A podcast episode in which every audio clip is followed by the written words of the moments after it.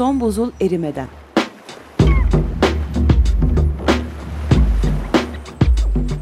Küresel iklim değişikliğinin bilimsel gerçekleri üzerine.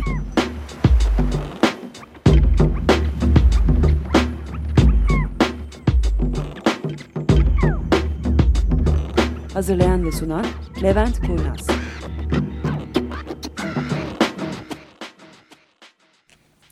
Ee, iyi günler. Bugün 30 Haziran. Haziran 2009. Ben gene takvime bakıyorum. İkide bir unutuyorum. Geçen hafta da e, takvimin yaprağını bir gün önceden koparttıkları için ben bir gün sonrayı söylüyordum maalesef. Evet bir kez daha hoş geldiniz. Merhabalar ben Murat. Merhaba ben Berna.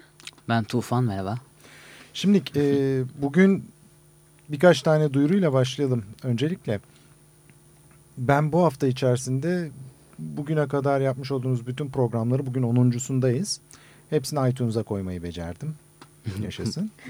ee, dolayısıyla eskileri de iTunes'dan indirebilirsiniz. Ee, bir tek iTunes'daki Amerika sayfasına girmeniz gerekiyor. Orada son buzul erimeden, son, buzul falan bunların herhangi biriyle aratacak olursanız programın bütün eski kayıtlarını da bulabiliyorsunuz. Daha sonra tabii bizim kendi web sitemizde de iklimbu.org web sitesinde de bu eski kayıtların hepsine ulaşabiliyorsunuz. Ayrıca sağ olsun arkadaşlar son iki haftada gayet sağlam çalıştılar. Bu programların transkriplerini de çıkarttık. Bu az çok hani birazcık tıraşlayarak e, arada yaptığımız saçma lafları çıkartmaya çalışarak elimizden geldiğince bunları da web sitesine koymaya başladık. Sanıyorum ilk beş tanesini koyduk. Berna bir tane daha gönderdi. Evet, onu da evet, koyacağım. Evet. İlk beş tanesi var ve sırayla hepsini koymaya çalışacağız inşallah. Sonra Tufan dördüncü programın ek materyallerini gönderdi. Burada hani konuşurken işte şu grafikten göreceğiniz üzere diyemediğimiz için o grafikleri de elimizden geldiğince koymaya Bir de çalışıyoruz. siteler oraya verip hani daha detaylı bilgi için bakmak isteyen olabilir diye de onları da koyuyoruz. Oradan bakabilirler. Şimdi bugün ne konuşacağız? Bugün birazcık e, fizikten çıkalım dedik. Bu işin çok üstümüze vazife olmadan politikasına girelim dedik. Bunun da e, temel sebebi esasında temel sebebi demeyeyim. Ben sabahleyin Ömer Bey'i dinliyordum e, açık gazetede. İki tane noktada Ömer Bey'in düşündüğünden daha kötü durumdayız. Belki sizler de dinlemişsinizdir sabahleyin programı. Bir tanesi ben de e, Uludağ Üniversitesi'nde bir konuşma yaparken sanıyorum Nisan ayının başında öğrencilerden bir tanesi ama hocam işte şu andaki atmosferdeki karbondioksit miktarı 388 değil 391 sen bilmiyorsun falan demiş de o duruma düşmek istemiyorum. Şu anda en son ölçünü 389. 9. Evet yani bizim resmi olarak konuştuğumuz killing Eğrisi, eğrisi dediğimiz gösterdiği rakam. noktası şu anda 389'da yani bu 1950'lerden beri her gün neredeyse ölçüne eğrinin bulunduğu nokta. 389 karbondioksit miktarı tabii bir kez daha e, milyonda parçacık olarak 389.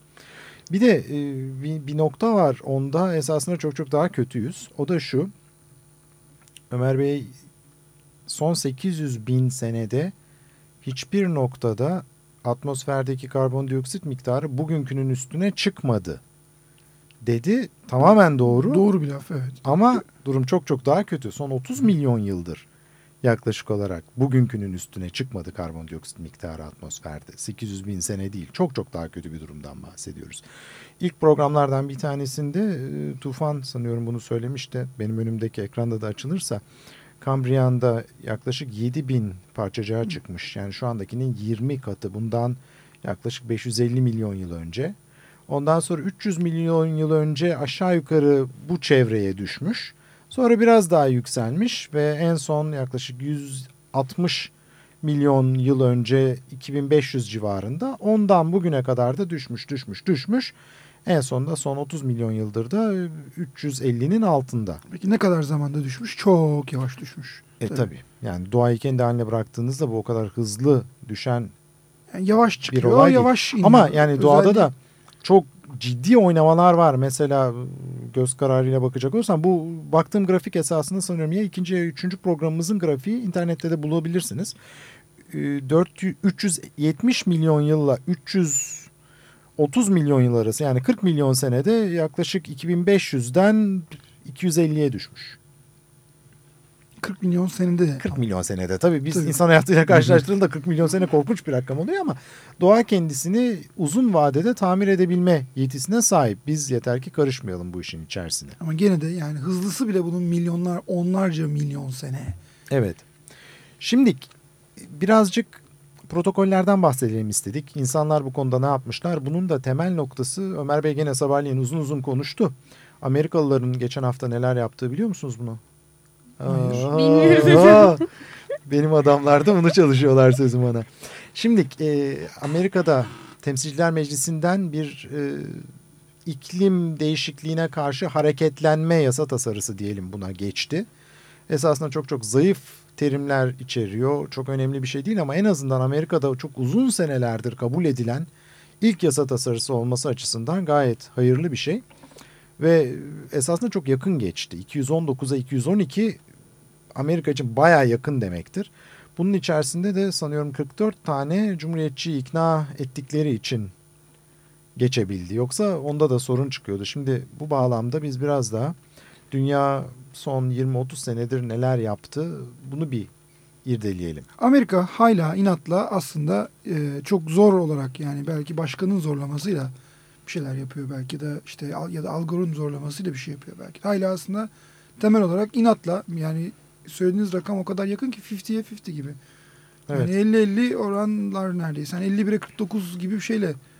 Yani ben hafta sonu bu konuda pek fazla bir şey okuma fırsatı bulamadım. Yalnız sabahleyin en azından Ömer Bey'den dinlediğim bir takım gerçekten üstün zekalı diye adlandırabileceğim bilim, ada- bilim adamları değil, sena- senatör de değil ne o temsilciler. Bir tanesi sanıyorum e, Georgia senatörü Paul Brown dedi ismini. E, bu iklim değişikliği falan filan yoktur. Bunun hepsi cümbür cemaat sizin uydurduğunuz bir komplo teorisidir. Hepiniz bunun tamamını uydurdunuz şeklinde bir konuşma yapmış ve ayakta alkışlanmış Cumhuriyetçiler tarafından bu. Ben dinlediğimde tüylerim gerçekten diken diken oldu onu. Vahim Yani durum. burada 9 haftadır bu işin arkasındaki bilimi anlatmaya çabalıyoruz. Daha da inşallah epey uzun süre buna devam edeceğiz. Dünyadaki bütün bilim adamları bir araya geldiler ve dünyanın geri kalanını kandırmak için bir komplo teorisi uydurdular. Bunun içerisinde ben de varım, bu odadaki herkes de var, bizim tanıdığımız herkes de var. Bunların hepsi e, geri kalan dünyayı kandırmak için e, Nobel ödüllü fizikçiler falan Evet he- hepimiz hep birlikte kandırıyoruz dünyanın geri kalanını gibi bir şeye geldik. Şimdi b- böyle bir şey tabii ki mümkün değil. Yani çünkü en azından ben her zaman çok çok basit bir şey söylüyorum bu konuda derslerde anlattığımız şey şu.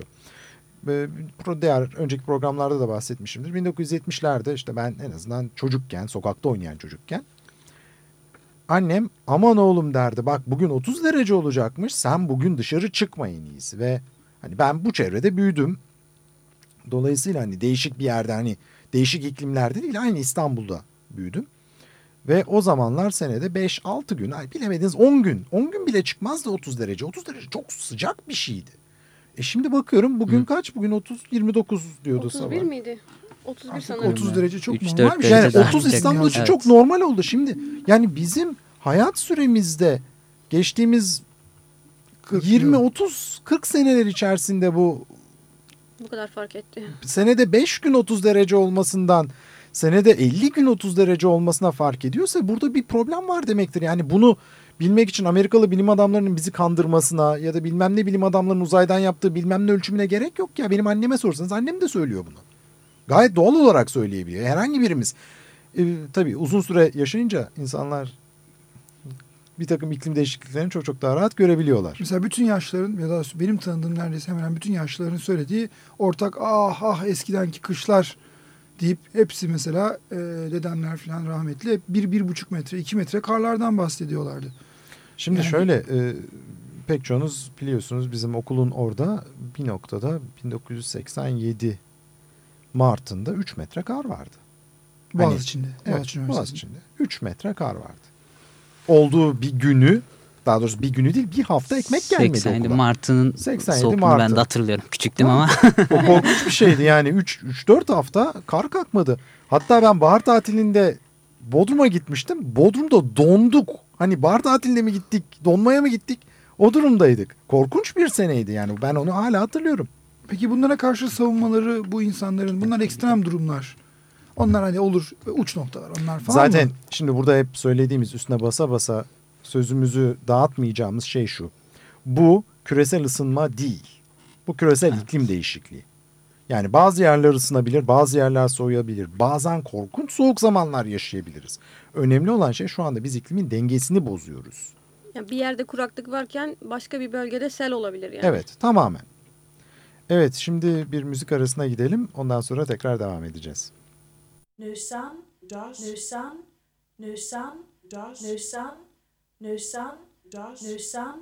no sun, no sun, no sun, no sun, no sun, Nous sommes, nous monde, nous sommes, nous nous, nous sommes, nous monde, nous sommes, nous nous, nous sommes, nous monde, nous sommes, nous nous, nous sommes, nous monde, nous sommes, nous nous, nous sommes, nous monde, nous sommes, nous nous, nous sommes, nous monde, nous sommes, nous nous, nous sommes, nous monde, nous sommes, nous nous, nous sommes, nous nous sommes, nous nous, nous sommes, nous monde, nous sommes, nous, sommes, nous monde, nous sommes, no more, no sun, no new, no dawn, no more, no sun. No proper time of day. No shade, no shade, no shade, no shine, no bird, no shade, no shade, no shade, no shine, no bird, no shade, bees, no shade, no shade, bees, no shine, no bird, no shade, bees, no shade, no shade, bees, no shine, no bird, no shade, bees, no shade, no shade, be no shy, but no shade, be no shade, but no shade, be no shy, but no shade, be no shade, but no shade, be no shy, but no shade, be no shade, but no shade, be no shy, but no shade, be no shade, but no shade, be no shy, but no shade, be no shade, but no shade, be no shy, but no shade, be no shade, but no shade, be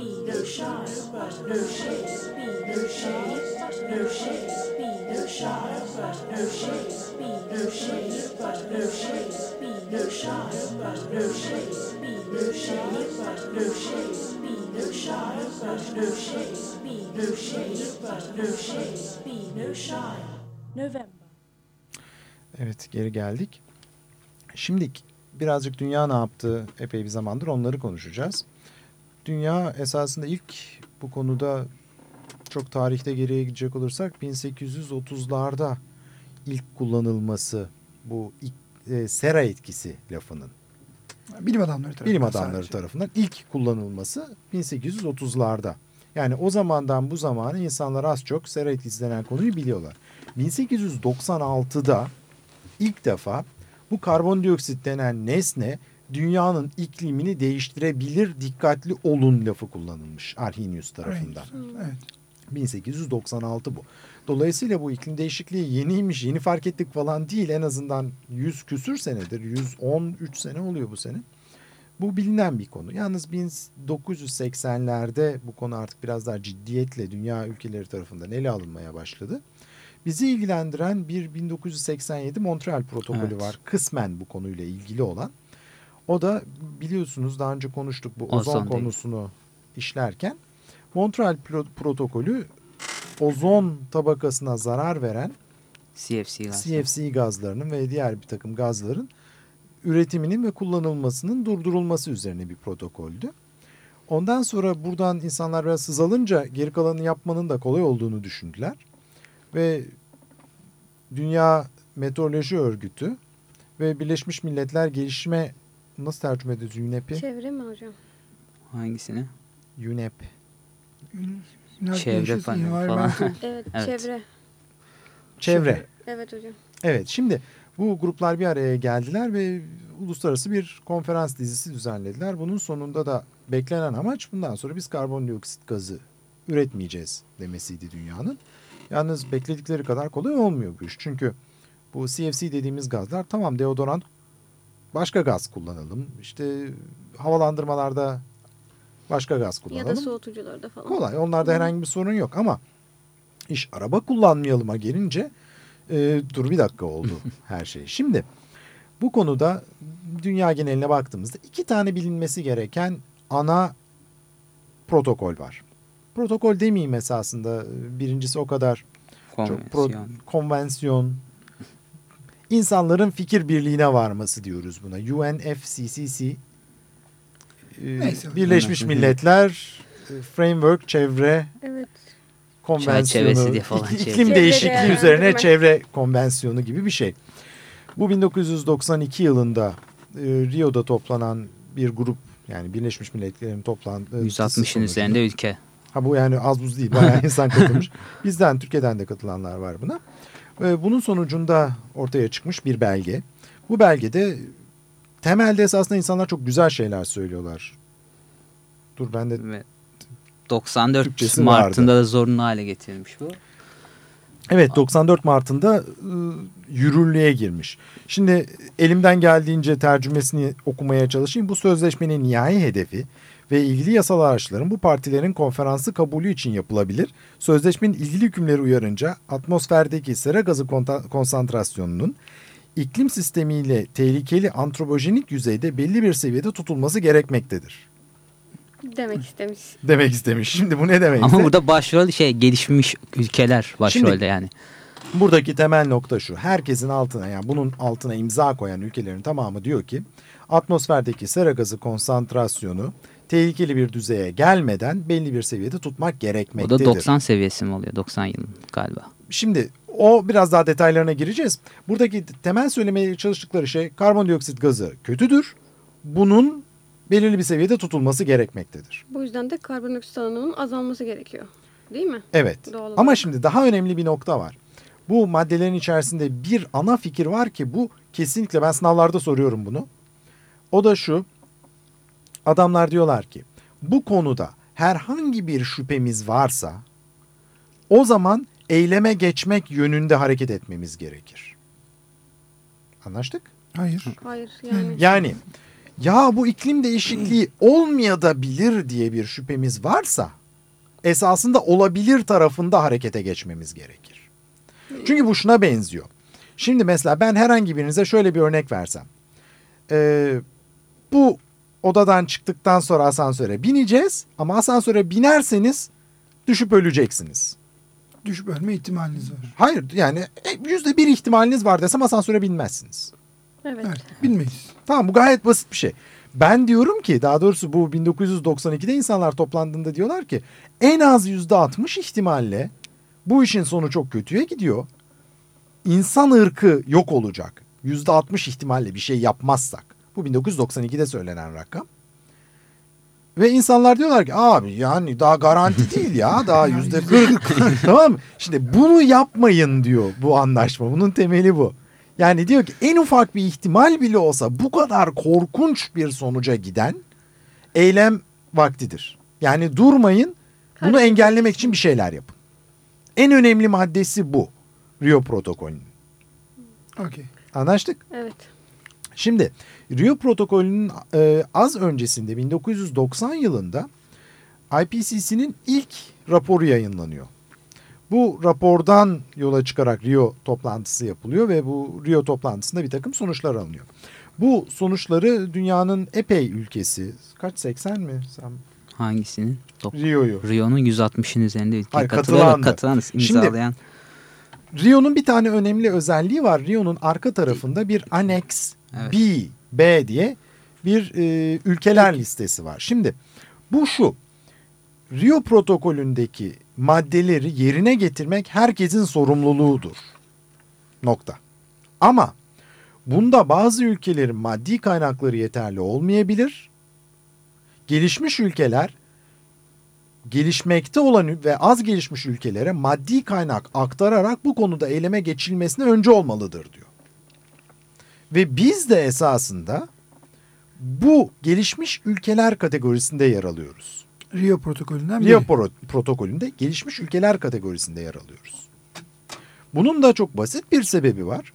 Biz çok çok çok uzun süredir esasında gelişmiş ülke olduğumuzu iddia, iddia ediyoruz.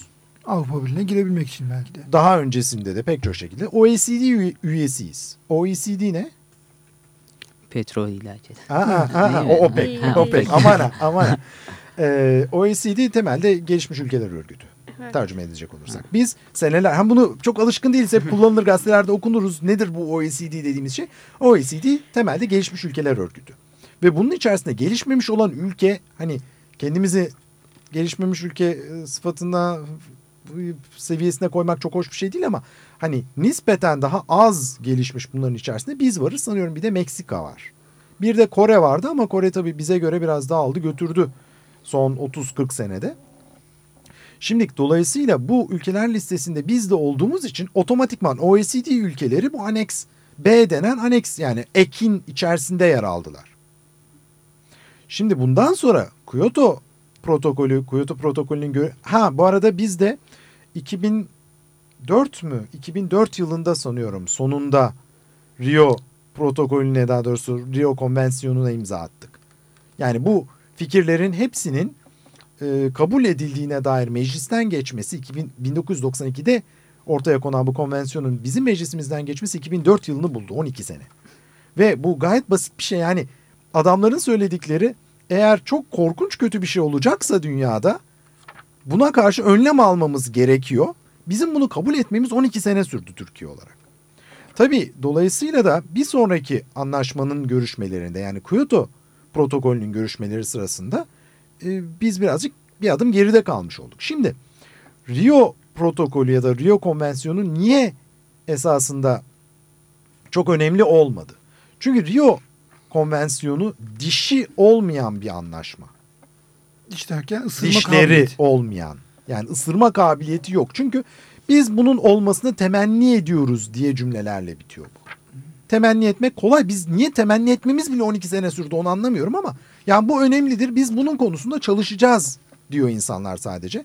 Ve kesin bir takım kararlar vermiyorlar. Kesin e, hiçbir şey söylemiyorlar. İyi niyetli yetersiz bir çalışma. Kesinlikle.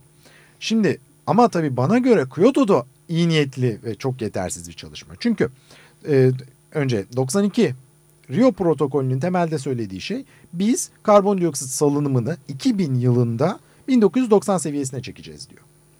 Rio protokolü. Tabii çoktan başarısız oldu bu. Tabii ki. Yani onda herhangi bir sorun yok ama şimdi daha doğrusu sorun yok dediğim hani o çok ciddi bir sorun ama e, yani onda şüphe yok başarısız olduğumuz o konuda. Bir sonraki protokolün çalışmaları hemen Rio'dan sonra başladı. Bu arada 1995 yılında IPCC'nin bir sonraki raporu ortaya çıktı. Ve 1997 yılında Kyoto. Kyoto anlaşmasına geldik. Şimdi Kyoto anlaşmasının detaylarını ileriki bir takım programlarımızda daha da geçeriz ama basit bir takım noktalar var söylememiz gereken. Öncelikle şu. Kyoto'nun yürürlüğe girmesi için 55 tane ülkenin Kyoto'yu kabul etmesi gerekiyor. Sanıyorum şu anda dünyada Kyoto'yu kabul etmeyen 3 ya da 4 ülke kaldı. Amerika Birleşik Devletleri bunun başında geliyor. Biz kabul ettik mi? Şimdi biz ettik. Onu da hep birlikte kış okulundaydık. Sanıyorum 3, Evet evet. Evet. 2 ya da 3, 3 Şubat'tı. Evet kış okulundaydık. Alkışladık. 2009. İklim fiziği kış okulu. Evet. Şimdi bi- bizim onu çok politik olarak konuşuruz uzun vadede. Yalnız önemli olan şey şu. E, bu 55 ülkenin dünyanın karbondioksit salınımının yüzde 55'ine sahip olması gerekiyor. Ve Rusya'nın da bunu onaylamasıyla 16 Şubat 2005, 2005 tarihinde Kyoto yürürlüğe girdi.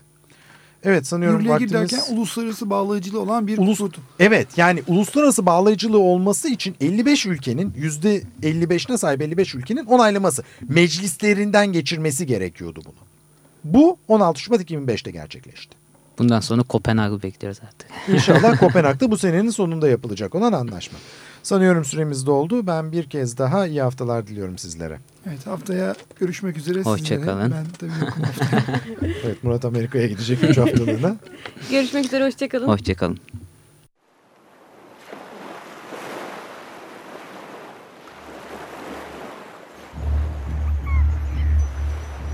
Son buzul erimeden.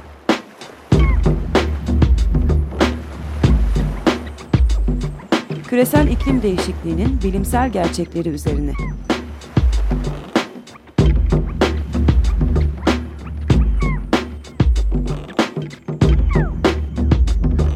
Hazırlayan ve sunan Levent Kurnaz.